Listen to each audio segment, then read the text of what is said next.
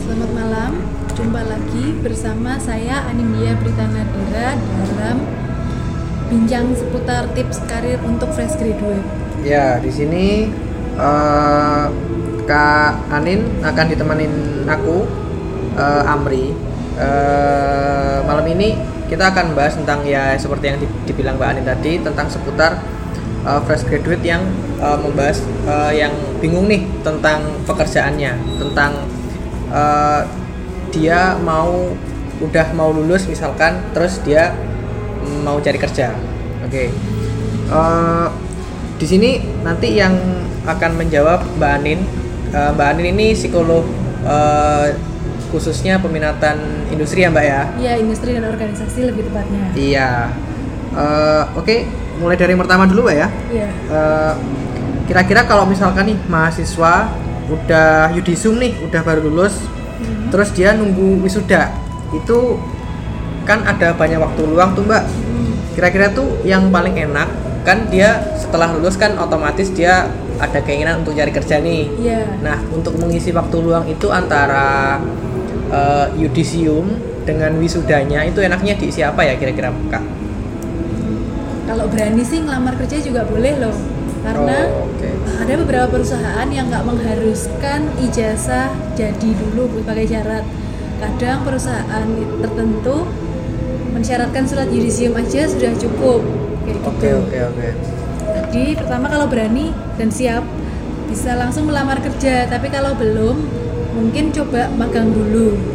Kalau nggak ada kesempatan magang, coba aktivitas-aktivitas lain seperti ikut kegiatan sukarela, atau volunteering, terus ikut kursus-kursus tertentu misalnya kursus komputer, les bahasa Inggris atau kursus-kursus lain yang menunjang karir ke depannya. Terus yang pasti Iya. yang nggak boleh ketinggalan juga ikut seminar atau workshop yang berkaitan dengan sertifikasi yang nanti bisa berguna untuk melamar kerja karena kita bisa mendapatkan skill tambahan dari workshop atau seminar itu. Oke, jadi eh, beberapa kegiatannya contohnya tadi kan kalau berani sih ya melamar kerja ya. Iya, kalau It- berani. Itu kira-kira eh, kerjaan yang gimana Mbak kan ada banyak jenis pekerjaan nih. Misalkan Hmm. ada perusahaan BUMN misalkan atau perusahaan swasta atau ngelamar jadi PNS nih atau gimana. Nah, kira-kira kalau eh, mahasiswa yang baru nunggu wisuda itu enaknya kerjaan yang model gimana sih gitu? Kalau menurut saya sih itu relatif ya tergantung minatnya dia Iya. juga dan tergantung requirements atau ketentuan dari perusahaan. Kan misalnya perusahaan BUMN atau perusahaan swasta gitu Iya. apa pun lah itu jenis perusahaannya. Mm-mm. Kriterianya ada yang mensyaratkan pengalaman minimal berapa tahun di bidang yang sama atau fresh graduate diperbolehkan melamar. Iya, iya. Lihat dulu itu kalau misalnya di kualifikasinya mensyaratkan pengalaman kerja beberapa tahun sementara dia fresh graduate mending hindari saja mendaftar itu apa pun jenis perusahaannya entah Oke. itu perusahaan swasta atau perusahaan Iya. BUMN sementara perusahaan apa pun kalau misalnya memperbolehkan atau memberikan kesempatan bagi fresh graduate untuk melamar Iya. lamar saja Oke, Dan jadi kita eh, pokoknya ada yang kosong kira-kira eh eh, kalau ada kesempatan ya udah coba aja ya. Iya, kesempatan ya udah coba aja. Selain kesempatan, yang itu kesempatan itu baru yang pertama. Iya. Yang kedua, kecocokan dengan kriteria-kriteria yang lain, misalnya usia, terus jenis Oke, kelamin, terus iya. nanti itu lokasi perusahaannya di mana, kaitannya nanti dengan domisili kita nantinya di mana. Oke, Siap iya, nggak iya. kita untuk pindah kota dari domisili kita waktu kuliah dengan ah. domisili kita waktu bekerja. Oke, benar juga. Gitu Karena sih. kan bisa jadi eh, ada perusahaan yang buka lowongan misalkan nih tempatnya sekarang di Surabaya misalkan, Iya. tapi perusahaannya eh, itu eh, tempatnya misalkan di Semarang misalkan. Nah, Hmm. otomatis dia juga harus siap-siap tuh ya kan. Dia juga belum belum wisuda ya. Jadi Iya. dia harus mikirin itu juga, Mbak. Heeh, mikirin Oh. intinya juga. Kalau mungkin nggak berani, mending cari perusahaan yang memungkinkan dia cuti untuk dia wisuda kayak gitu atau dengan di kota yang tidak terlalu jauh dari kampusnya kayak gitu. Oh oke oke jadi eh, nyoba-nyoba itu eh, cari apply kerja ya. Iya. Terus kalau yang kedua eh, magang-magang itu mbak itu magang-magang itu di- bisa, bisa dijelasin nggak mbak bedanya magang sama kerja dulu apa? Kalau magang itu biasanya tidak seketat seleksi pekerjaan dan biasanya kalau orang magang itu kita bukan sebagai karyawan resmi di kantor itu Ah, ah, atau di oke. organisasi atau di perusahaan Iya. sedangkan kalau kita kerja kita sudah menjadi karyawan dari kantor atau perusahaan itu Oke oke. atau suatu organisasi Eh, kalau ini mbak, apa sih eh, manfaatnya magang buat teman-teman mahasiswa yang eh, masih masih proses mau cari kerja itu gitu? Oh jelas sangat bermanfaat karena dari magang mereka bisa mendapatkan manfaat atau situasi senyatanya yang nanti diperlukan untuk pengalaman ketika kita ketika mereka sudah bekerja nantinya. Oke, jadi dia mengenal mbak ya, mengenal apa namanya eh, lingkungan kerja itu kayak mana gitu ya? Iya, mengenal lingkungan kerja seperti apa. Oke oke. Eh, selanjutnya kalau misalkan dia ini nih, apa namanya udah apply nih berkali-kali, eh, ini posisinya misalkan dia udah udah lulus nih ya, udah udah bebas Iya. tanggungan dari kampus nih, Ah. udah selesai. Nah dia itu eh, mau cari kerja, tapi yang kayaknya dia misalkan nih dia jurusan eh, geologi misalkan nih, Hmm. dia pengen yang kayak gitu, pokoknya yang sesuai lah sesuai, tapi nggak dapat dapat. Indikatornya sesuai itu apa? Ada dua sih indikatornya. Ah, gimana? Pertama, person job fit. Dan kedua, yang nggak kalah pentingnya, person organization fit. Kita bahas yang person job fit dulu ya. Oke siap. person job fit sendiri artinya berkaitan dengan bagaimana kecocokan individu dengan pekerjaannya. Nah, misalnya kompetensi-kompetensinya dia. Cocok nggak sih dia yang lulusan geologi ini kompetensinya dengan pekerja tambang misalnya? Ah, ah, ah. Kompetensi itu apa? Misalnya kompetensi itu ada lima. Iya. Pertama, knowledge atau pengetahuan. iya. Kedua, skill atau keterampilan. Oke. Ketiga, abilities atau kemampuan. Keempat, other characteristics. Apa itu kak? Oh ya maaf ada empat aja sih. Oh empat aja. Oke Iya. oke. Yang pertama knowledge. Oke, knowledge itu pengetahuan. Misalnya dia lulusan geologi yang mau bekerja di bidang pertambangan. Oke. Dia tahu nggak sih kira-kira pekerjaan di bidang pertambangan tuh kayak apa? Terus Ah, jenis-jenis tambang itu apa aja? Oke oke. Terus di daerah mana ada tambang apa? Oh iya iya. Terus iya. sekarang stok tambang di suatu daerah tinggal seberapa? Iya iya. Itu, Itu semua harus dicek kak ya. Iya, pengetahuan dia harus paham dulu dengan pekerjaannya. Tentang Yang- tempat yang akan dia tuju itu ya. itu nanti mungkin person organization Oh oke oke. tepatnya. Kalau knowledge itu berkaitan dengan pekerjaannya. Oke. Misalnya pekerjaannya sebagai pekerja tambang itu dia tahu nggak sih job desk-nya pekerja tambang itu seperti apa? Oke iya itu iya. knowledge. Iya iya. Knowledge itu sebatas pengetahuan atau yang dia pahami di ranah kognitif atau otaknya saja. Ah, terus selanjutnya. Selanjutnya adalah skill. Skill itu Oke. keteram Iya, skill keterampilan. Oke. Keterampilan berkaitan dengan penguasaan dia terhadap pekerjaan. Hmm, penguasaan dia terhadap pekerjaan, pekerjaan yang akan dia geluti nantinya ya. Iya, Oke. pekerjaan yang akan dia geluti nantinya. Skill di sini terbagi lagi menjadi dua, yaitu Oke. hard skill dan soft skill. Iya. Hard skill berkaitan dengan um, skill atau keterampilan-keterampilan teknis yang harus dia miliki terhadap peke- pekerjaannya nanti. Sedangkan soft skill adalah keterampilan-keterampilan mikro Iya. yang nggak kalah penting juga dengan keterampilan-keterampilan teknis. Misalnya membangun kerjasama tim, terus Oke. komunikasi interpersonal, Iya, iya. komunikasi persuasi, terus manajemen waktu, Oke. dan daya juang. Itu kemampuan-kemampuan yang secara personal dia harus harus miliki gitu mbak ya, Iya. secara soft skillnya. Oke, selanjutnya. Selanjutnya adalah abilities. Abilities berkaitan dengan kemampuan dia ketika menghadapi situasi kerja yang di luar prediksi atau di bawah tekanan seperti itu. Contohnya gimana kak? Misalnya ketika dia ditempatkan di misalnya ya lulusan geologi, Oke. dia ditempatkan di industri tambang yang tempatnya antah berantah gitu. Oke, nggak tahu di mana, jauh dari kota lah gitu Jauh ya. dari kota. Kira-kira gimana sih biar dia bisa survive di pekerjaannya itu? Oh, oke oke oke ya ya ya. Kemampuan dia bertahan gitu Iya, ya di kemampuan dia kondisi, bertahan di yang, kondisi yang- seperti itu gitu ya. Seperti itu. Iya. Nah, dalam mempraktekkan kita lihat dua hal, yaitu skill dan abilities. Oke. Di sini skill itu posisinya lebih tinggi daripada abilities atau keterampilan lebih tinggi daripada kemampuan. Misalnya kalau keterampilan itu atau keahlian, Iya. misalnya keahlian menyanyi gitu. Oke.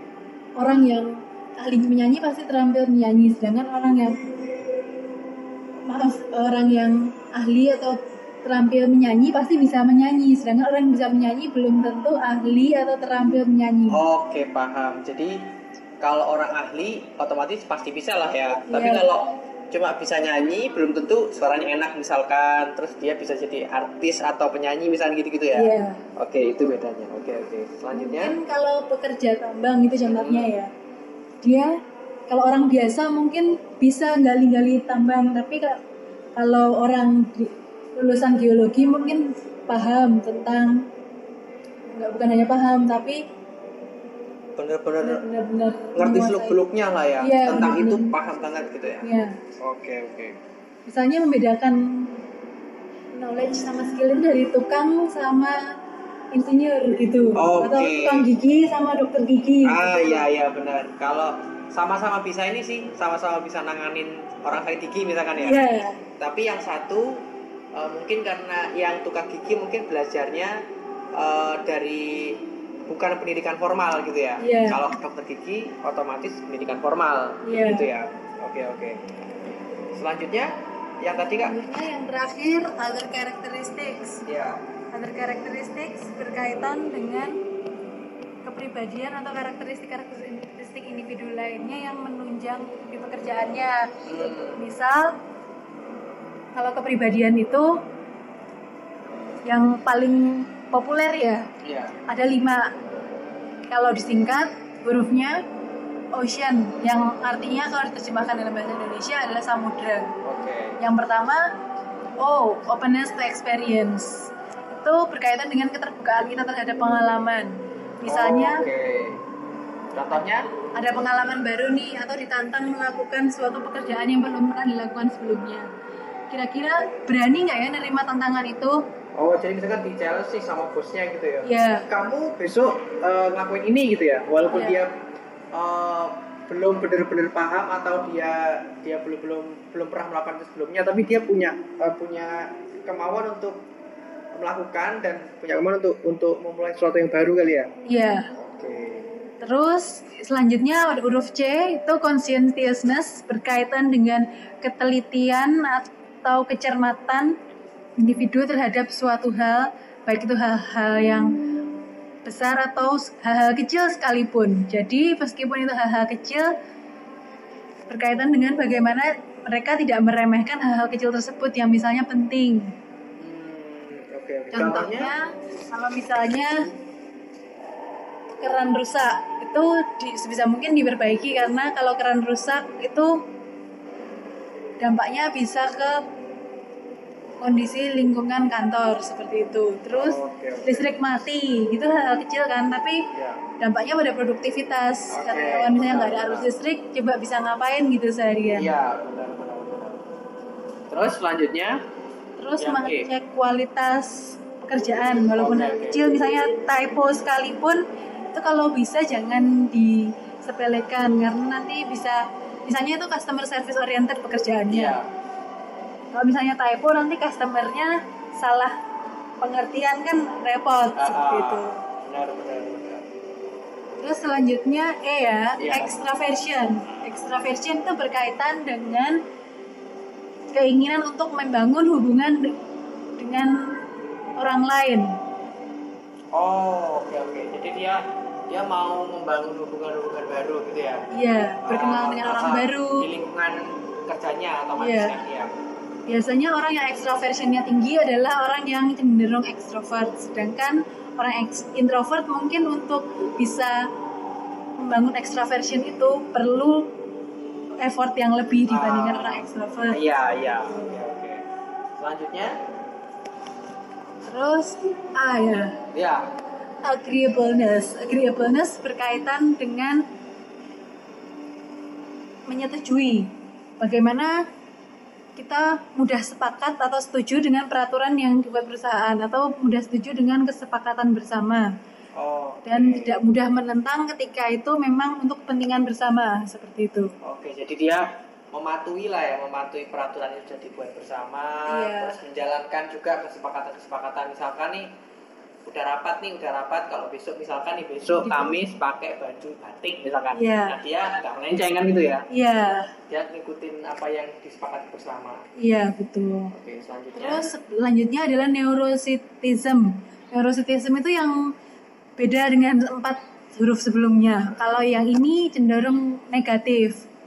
Neurocitizen itu berkaitan dengan bagaimana kalau neurocitizen sendiri itu artinya kecemasan, ah. ketegangan. Nah, bagaimana mereka mampu men- menekan atau mengendalikan atau mengontrol ketegangan-ketegangan atau kecemasan-kecemasan ketika mereka bekerja seperti itu. Oke, oke. Jadi bagaimana dia eh, caranya biar nggak terlalu cemas, nggak terlalu tertekan. Nah itu dia. Stres. Ah, ah, iya benar-benar. Oke oke. Karena di tempat kerja itu banyak sekali tekanan-tekanan atau sesuatu-sesuatu yang mungkin sifatnya mendadak apa misalnya order bos gitu. Ah, Kok mendadak banget nggak diberitahu sebelumnya. Ah ya tiba-tiba hari ini eh, tiba-tiba siang harus kerja ini, sore harus selesai gitu-gitu ya. Iya. Iya iya. Terus ada misalnya ada perubahan mendadak dari lingkungan, tidak hanya lingkungan kantor tapi lingkungan eksternal yang mengharuskan kita berubah mendadak seperti itu. Hmm, iya iya yang yang ya, ya kita harus fleksibel gitu ya mbak ya. Ya, ibaratnya kita harus fleksibel ketika ada perubahan-perubahan mendadak. Oke siap siap. Terus selanjutnya Terus selanjutnya kan itu kan yang yang apa aspek pertama tadi ya ini bahas. ocean itu aspek yang paling umum yang Oke. sering dibahas dalam pekerjaan. Oke. yang mungkin menjadi inti yang harus dibangun oleh para fresh graduate berkaitan dengan karakter-karakter apa saja sih yang harus mereka miliki di tempat kerja. Ah, oke oke. Selanjutnya yang itu organization fit itu kalau salah. Oh iya, organization fit, Ah, kan, Kalau tadi kan sudah- tadi kan personal kan. person. Ah, kalau sekarang yang organization fit. Ya, sekarang yang organization fit. Organization fit itu berkaitan dengan kecocokan antara individu dengan nilai dan budaya-budaya organisasi. Oh, kalau budaya organisasi itu gimana sih kak? Ininya Eh, kan kayak aku ini masih awam ya kayak Iya. memangnya bukannya setiap perusahaan tuh kayak kayak sama aja gitu loh misalkan Eh, eh, bedanya apa sih perusahaan A misalkan dengan perusahaan B dengan perusahaan C itu budaya kerjanya bedanya gimana sih atau budaya perusahaannya? Nah, Budaya organisasi. itulah yang membedakan antara organisasi satu dengan organisasi yang lainnya. Misalnya budaya organisasi, ada apa pagi gitu enggak? apa di satu organisasi? Oh, itu contoh konkret ya yang kelihatan ya? Iya. Oke. Kalau Terus? ada apa pagi kemungkinan budayanya apa, komunikasinya gimana seperti itu. Oke, oke. Terus ada contoh lain nggak yang budaya organisasi yang membedakan satu tempat dengan tempat yang lain? Sistem komunikasi antara atasan bawahan. Contohnya gimana kak? Misalnya ketika ada order dari atasan Hmm. ke suatu divisi gitu. Kira-kira apakah order itu langsung disampaikan ke bawahannya atau komunikasinya harus step by step dari atasan dalam hal ini GM ke manajer dulu, ke supervisor dulu, ke bawahan Oh. atau langsung order ke bawahan aja seperti Oh, itu. bertingkat atau langsung ke? Iya. Oh, itu juga membedakan ya? atau non birokratis Ah, gitu. iya iya iya. Oke oke. Misalnya nih atasan mau eh maaf, bawahan mau nanya ini soal kebijakan perusahaan. Itu yang nanya nanyanya langsung ke direktur GM atau harus lewat atasan langsungnya dulu, supervisor misalnya. Iya, iya, Seperti iya. itu. Oke oke oke. Seperti itu. Terus selanjutnya?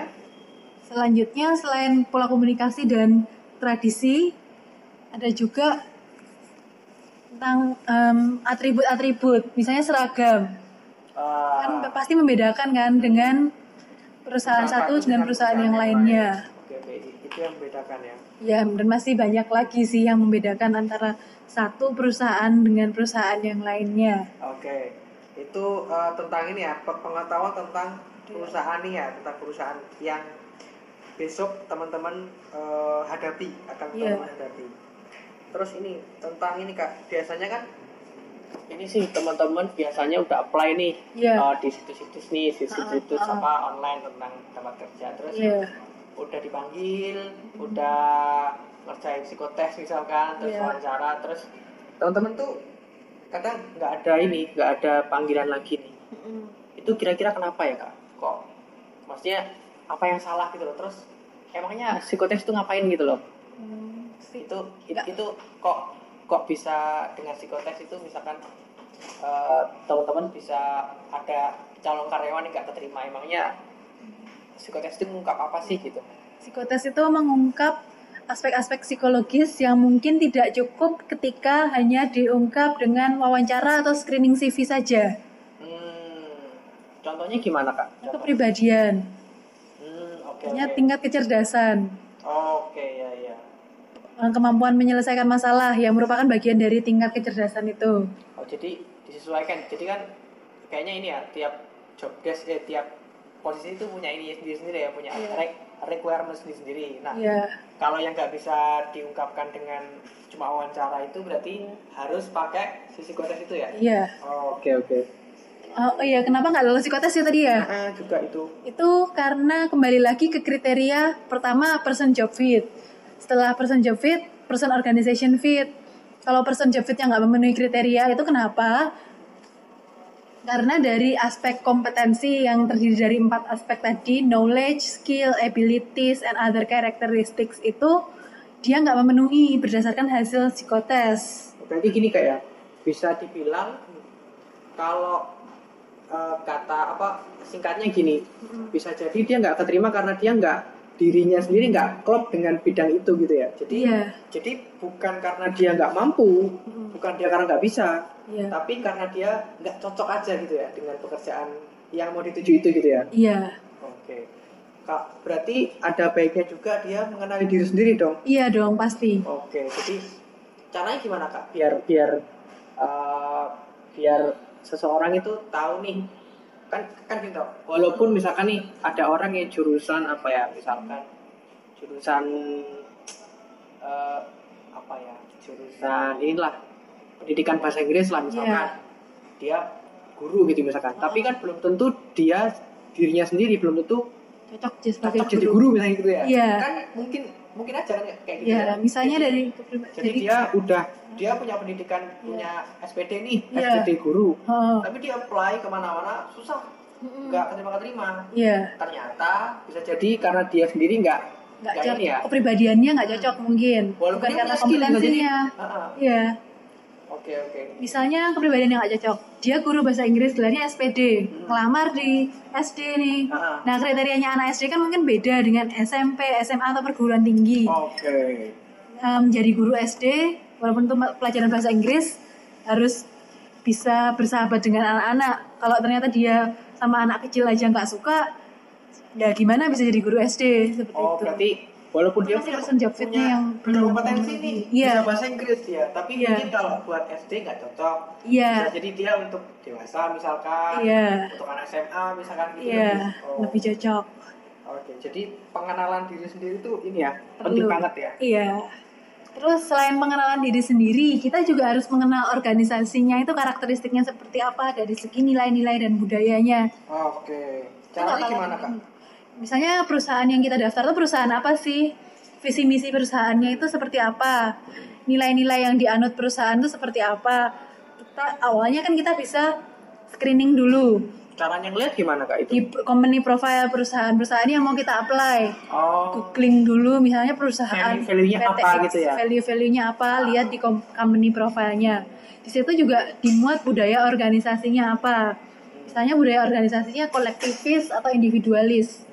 Misal kalau misalnya orang tidak memenuhi person organization fit itu kalau orang ekstrovert ditempatkan ke budaya perusahaan yang individualis. kurang kurang, Kurang pas lah ya. kurang pas gitu.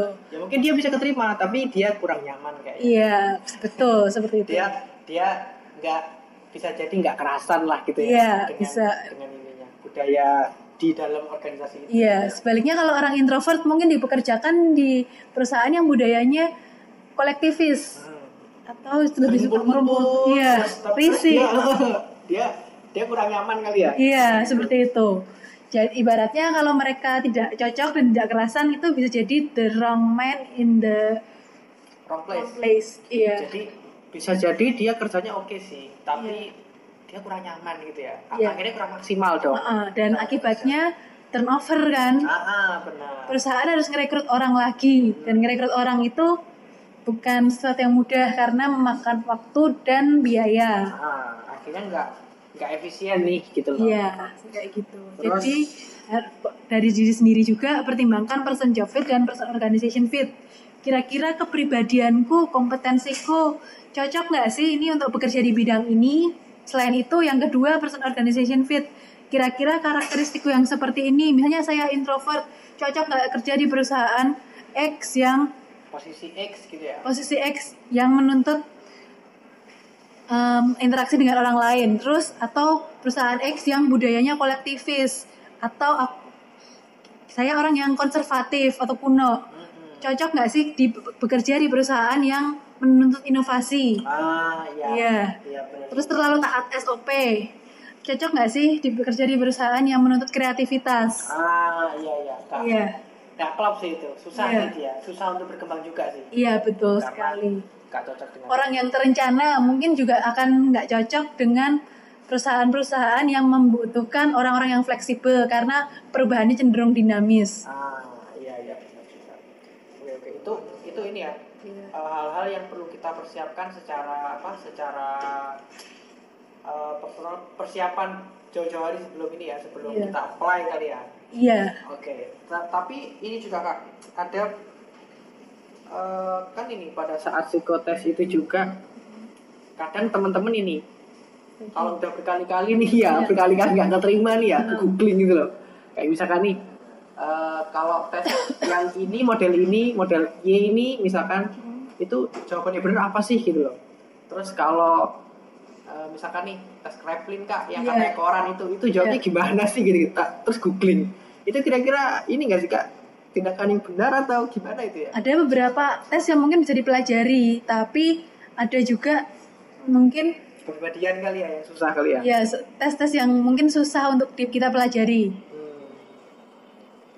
jadi mending ini ya mending ngerjain dengan ini kali ya Ya ngerja- Dengan- jadi diri sendiri Ah, aja diri deh. sendiri aja Kalau emang nggak cocok, bukan berarti kamu nggak kompeten atau nggak qualified. Bisa jadi kamu over qualified loh. ah bisa jadi terlalu tinggi kualifikasimu sehingga untuk di perusahaan X yang mungkin nggak bisa menggaji kamu segitu Ah, bisa jadi atau mungkin dia kompetensinya harusnya jadi supervisor nih Iya. misalkan nih tapi dia eh, apa namanya apply untuk yang rendah banget misalkan Iya. otomatis kan kayak ya kurang klop lah gitu loh nanti dia takutnya banyak protes kayak apa gimana iya gitu betul sekali.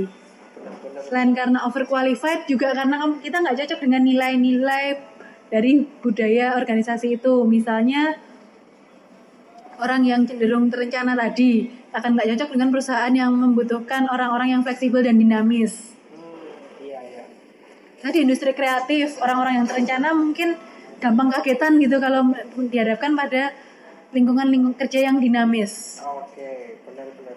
Itu itu untuk sebenarnya eh, ya itu sih kalau misalkan memang nggak cocok nggak nggak lolos psikotes ya udah bukan bukan berarti Bukan akhir dari bencana gitu loh Iya, tapi tapi ya, dulu. ya sebenarnya ya apa ya biar biar anda nggak salah tempat aja sih gitu kali Ya, biar anda, kita nggak salah tempat. Hmm. Mungkin di tempat yang kita nggak lol, yang kita nggak lolos ini bisa jadi ada peluang lain di tempat yang kita lebih cocok, yang sesuai dengan karakteristik diri kita, baik itu pekerjaannya maupun organisasinya. Oke oke. Kalau ini juga kak, pada saat wawancara kan biasanya Ah. kalau udah ini sih wawancara biasanya kalau wawancara ada soal gaji-gaji tuh kak. Iya. Ditanya gaji itu kita boleh nggak sih kak kayak tentukan kayak kayak masih fresh graduate gitu loh. Iya. Graduate terus ditanyain, kamu gaji berapa misalnya gitu. Itu kan gimana ya? Kalau aku sendiri agak bingung gitu loh. Mau tinggi tapi kita nggak punya kompetensi, Iya. mau rendah-rendah banget juga kayaknya apa ya kayak kita merendahkan diri sendiri gitu loh Ah. itu jawaban yang yang anu gimana sih yang cocok gitu Kita lihat standar UMR di kota yang kita tuju, misalnya di Jogja, di Jakarta, di Papua. Itu standar UMR-nya beda-beda, jangan disamakan. Misalnya kita orang Papua mau ngelamar ke Jogja. Di Papua kan gajinya tinggi ya karena biaya hidup di sana juga tinggi. Iya. Terus kalau misalnya dia ngelamar ke Jogja, Hmm. mintanya gaji Papua itu jelas nggak bakal diterima. Karena memang ya beda kebutuhan gitu Ya, ya. UMR-nya. Jogja dan Papua pasti sangat berbeda. Hmm. Kaitannya dengan biaya hidup. Terus misalnya orang Jakarta ngelamar ke Papua Ya, atau orang Jogja ngelamar ke Jakarta. ya. Itu UMR mereka melamar ke kota yang UMR-nya lebih tinggi. Kalau min- mintanya kerendahan juga nanti merugikan mereka kan. Iya. Mau dapat biaya hidup dari mana? Jangan-jangan besar-besar daripada tiang kali ya. Ah, benar-benar. Iya, iya. misalnya untuk bayar kos aja nggak bisa atau untuk memenuhi kebutuhan sehari-hari aja tombol Berarti ini ya patokan sederhananya itu UMR lah ya. ya Jadi, UMR Wah, kalau misalkan grade ya nggak perlu jauh-jauh dari UMR lah ya. ya nggak perlu jauh-jauh dari UMR Kecuali kalau misalkan udah punya pengalaman kerja 3 tahun, 4 tahun, 5 tahun, mungkin bisa jadi bisa tawar-menawar gaji kali ya ya. itu nilai tambahnya Nah, karena dia udah punya skill gitu ya. Hmm. Perusahaan. fresh graduate mungkin UMR aja cukup tapi em, yang lain mungkin bisa nambah nilai-nilai tambah seperti masa kerja terus tingkat pendidikan pengalaman keterampilan dan sebagainya. Eh, ini Kak, eh, kalau Oh iya, yang nggak kalah pentingnya lagi Apa? tunjangan nih. Tunjangan juga penting. Misalnya tanggung jawabnya di suatu pekerjaan harus melakukan pekerjaan dinas. pekerjaan dinas itu Dinas contohnya kota. Oh, oke oke. Misalnya ada proyek di mana ya di luar Jawa gitu. Ah, Itu kan nggak murah ya. Ah, Nah, kita berhak nanya nih tunjangan yang diberikan untuk perjalanan dinas itu ada nggak sih? Kalau misalkan kayak tiket pesawat, akomodasi hotel dan lain-lain, terus ada ada misalkan nih kalau kita dapat tunjangan lebih nggak sih Iya. di di luar tanggungan-tanggungan itu gitu ya? Iya. Terus selain tunjangan itu tunjangan perjalanan dinas juga ada lagi tunjangan berkaitan dengan status kita.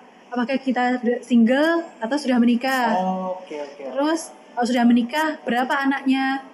Oh. Atau kalau masih single mungkin dia ada tanggung jawab ke anggota keluarga yang lain nggak sih? Misalnya membiayai orang tuanya yang sudah jompo, Oh, oke, itu juga dipikirkan juga ya? ya atau membiayai adik-adiknya yang Yang masih pasti perlu biaya. Iya. Iya, gitu. Ya, selain tunjangan itu tadi, ada juga kaitannya dengan kesempatan-kesempatan untuk belajar, untuk pelatihan. Itu juga Oh. perlu loh. Oh iya iya, jadi eh, tempat kita bekerja nanti itu ngasih nggak sih kayak kesempatan kita untuk ikut workshop mungkin di luar, Iya. gitu-gitu. Hmm. Terus ikut, terus ini juga kak yang penting kenaikan jabatan juga. Iya. Itu juga. Peluangnya gimana? Ah, Terus kriterianya apa? ah, benar-benar juga. Oke itu ya. Itu Iya. itu gambaran lah ya, yang kira-kira pada saat wawancara itu juga perlu nih di, di- ditanyakan juga. Ya, kesempatan untuk pengembangan diri. Hmm, oke oke. Yang terakhir nih kak, sebelum nutup, uh, Iya. pada saat psikotes dan wawancara, biar maksimal tuh gimana sih? Persiapin fisik. Fisik, fisik itu gimana?